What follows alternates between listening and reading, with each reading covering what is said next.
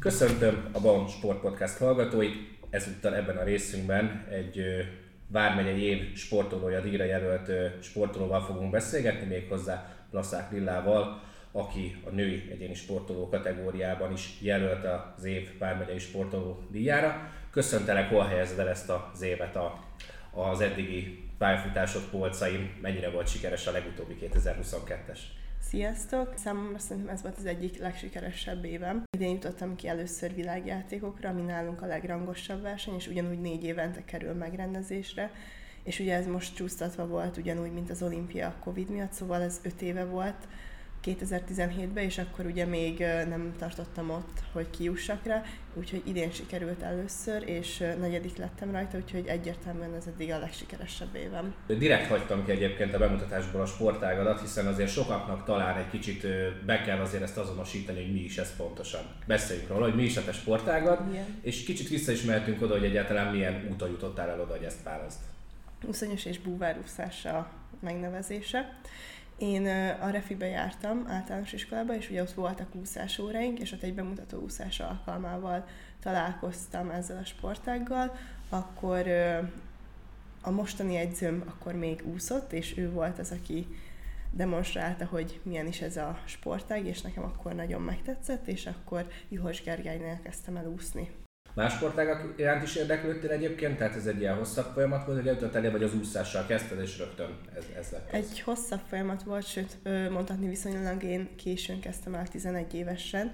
Ugye ezt is azért hamarabb elkezdik, ugyanúgy, mint az úszást.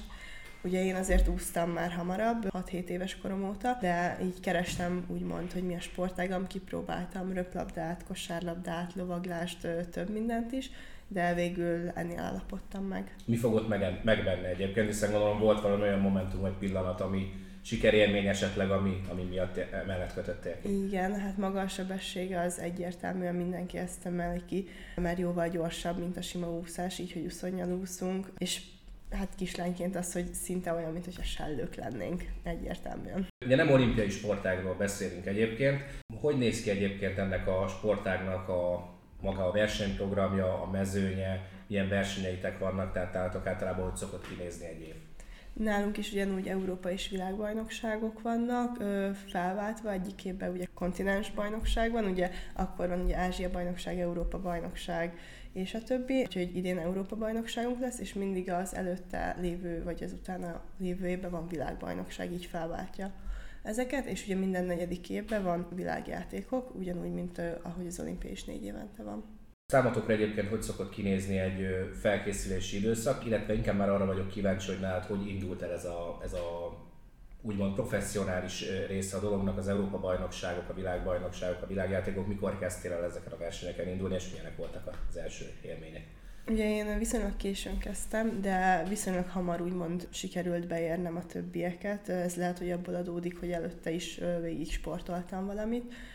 2015-ben voltam először junior Európa bajnokságon, úgyhogy én azóta járok mindig, minden évben van egy fő világversenyem, amin ott vagyok. Ö, ugye ez úgy kezdődött, hogy az elején világkupákra jártam, ugye ahova az Egyesület színeiben utaztam, és versenyeztem, és utána, amikor a magyar csapat Magyarországon belül szereztem kvalifikációt a versenyre, utána utaztam a magyar csapattal az Európa bajnokságra először. Ugye a 2022-es év kapcsán pont voltak ugye világjátékok, ami ugye nektek a legrangosabb verseny. Amikor nyáron beszélgettünk, akkor mondhatod sokáig úgy tűnt, hogy egyébként nem is biztos, hogy lesz kvalifikáció, tehát azért március környékén volt, azt hiszem, amikor már megkaptad az indulási engedélyt. Milyen volt ennek a felkészülési folyamata, hogyan képzeljük el egy világjátékokra azért, hogy kell készülni ilyenkor? Igen, én viszonylag későn tudtam meg, hogy indulok, indulhatok rajta. Hát ugyan, ugyanúgy elkezdtük januárba a felkészülést, anélkül, hogy én most megyek a világjátékokra vagy sem, mert nyáron Kolumbiában volt utána egy világbajnokság, és akkor mondtam, hogy akkor esetleg oda szeretnék kijutni, így maga az, hogy Kolumbia, mikor jutok el oda alapon, és így elkezdtem a felkészülést, aminek nagyon örülök. Miután úgy tűnt, hogy nem sikerül a kvalifikáció, akkor elgondolkoztam, hogy hogyan tovább. úgyhogy örülök, hogy folytattam, mert így márciusban nem kellett sokat változtatni a felkészülésünkön, a formaidőzítésemet kellett előrébb csúsztatni egy három héttel, és ezért az elég könnyen megoldható. Ugye ez volt a két csúcsverseny az előző évben, a világbajnokság és a világjátékok. A világjátékok volt ugye időben előbb, ha igen, jól emlékszem. Igen, Kezdjük azzal, hogy ott a világjátékokon milyen versenyszámokban és milyen versenyeid voltak, mert ugye azért voltak ebbe izgalmas pillanatok, igen. meg azért már olyan sikerek, amikre akkor is azt mondtad, hogy nagyon büszke vagy.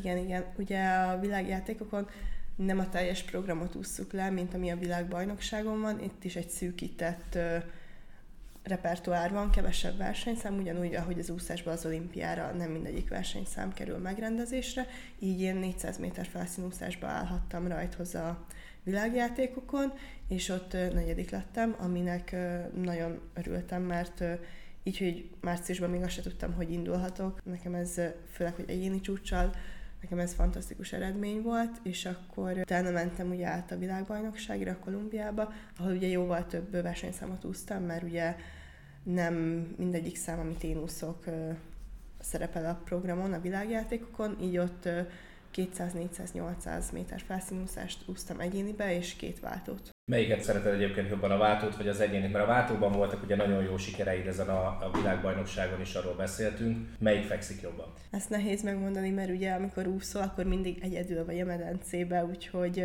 a váltóval az a szerencsét, hogy hát nem szerencsét, az a hogy más is úszik utánad, meg előtted, és így összeáll, ott tényleg így a nemzetek versenyeznek, nem egyénként állsz oda, hanem mint a, aki a nemzetet képviseli.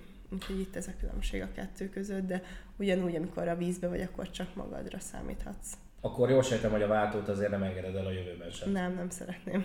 Térjünk már rá egy kicsit erre az évre is. Ugye mondtad, hogy az iskola és a, a, az egyetem az azért neked fontos. Kicsit osszuk meg a hallgatókkal is, hogy te milyen egyetemen és mit hallgatsz, hiszen azért ez sem hétköznapi, hogy a sportág választás sem.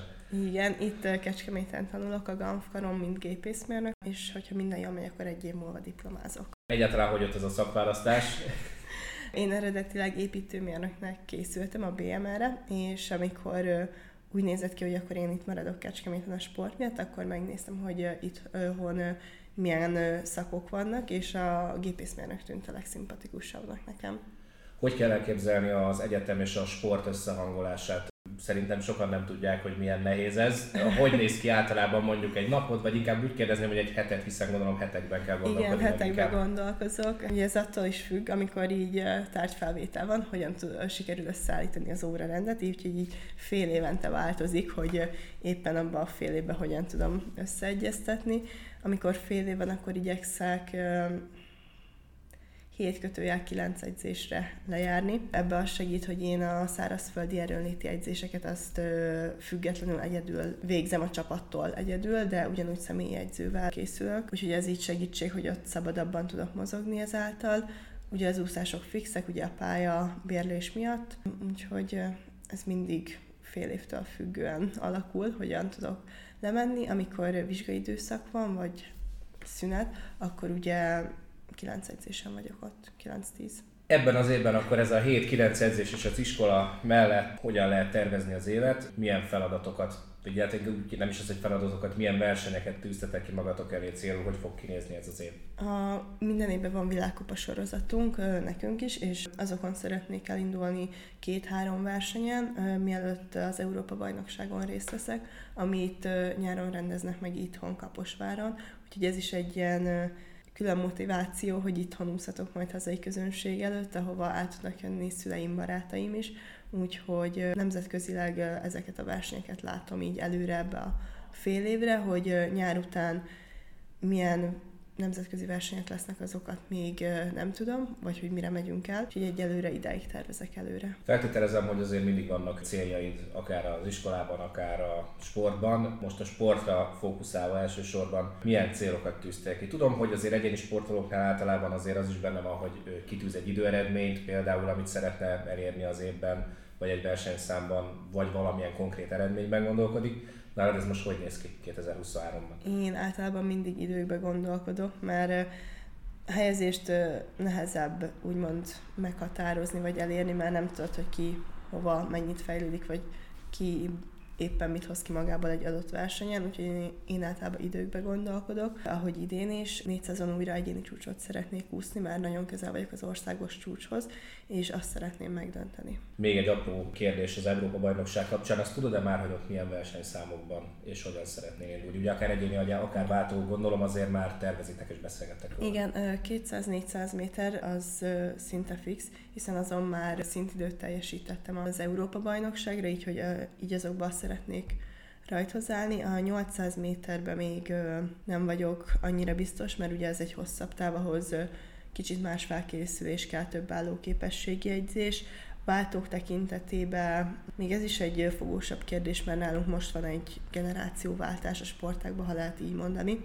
Eddig úgymond én voltam a fiatal tag a váltóba, most én lennék az idősebb tag, és nem tudom, hogy alakulna, jönne össze a váltóra a négy emberünk, de a 200 méteres váltó gondolkozok el hamarabb, mint mert 100-as és 200-as váltóba szoktam úszni, és így hamarabb a 200-as mellett döntenék. Mi az, amit most aláírnál az év végén? Hogyha újra leülnénk beszélgetni, akkor mi az, amire örülnél, hogyha elmondhatnál, hogy sikerült ebben az évben? Nagyon örülnék, hogyha egyéni versenyszámba itthon az Európa bajnokságon a bogóra állhatnék, az annak nagyon tudnék örülni. De hogyha már döntőbe úszok mind a két versenyszámon és egyéni csúcsot úszok, már azzal is nagyon elégedett tudok lenni. Én ez nagyon sok sikert kívánok, és bízom benne, hogy ha újra beszélgetünk majd erről a versenyek után, akkor ezek megvalósultak. Köszönöm szépen. Köszönöm szépen.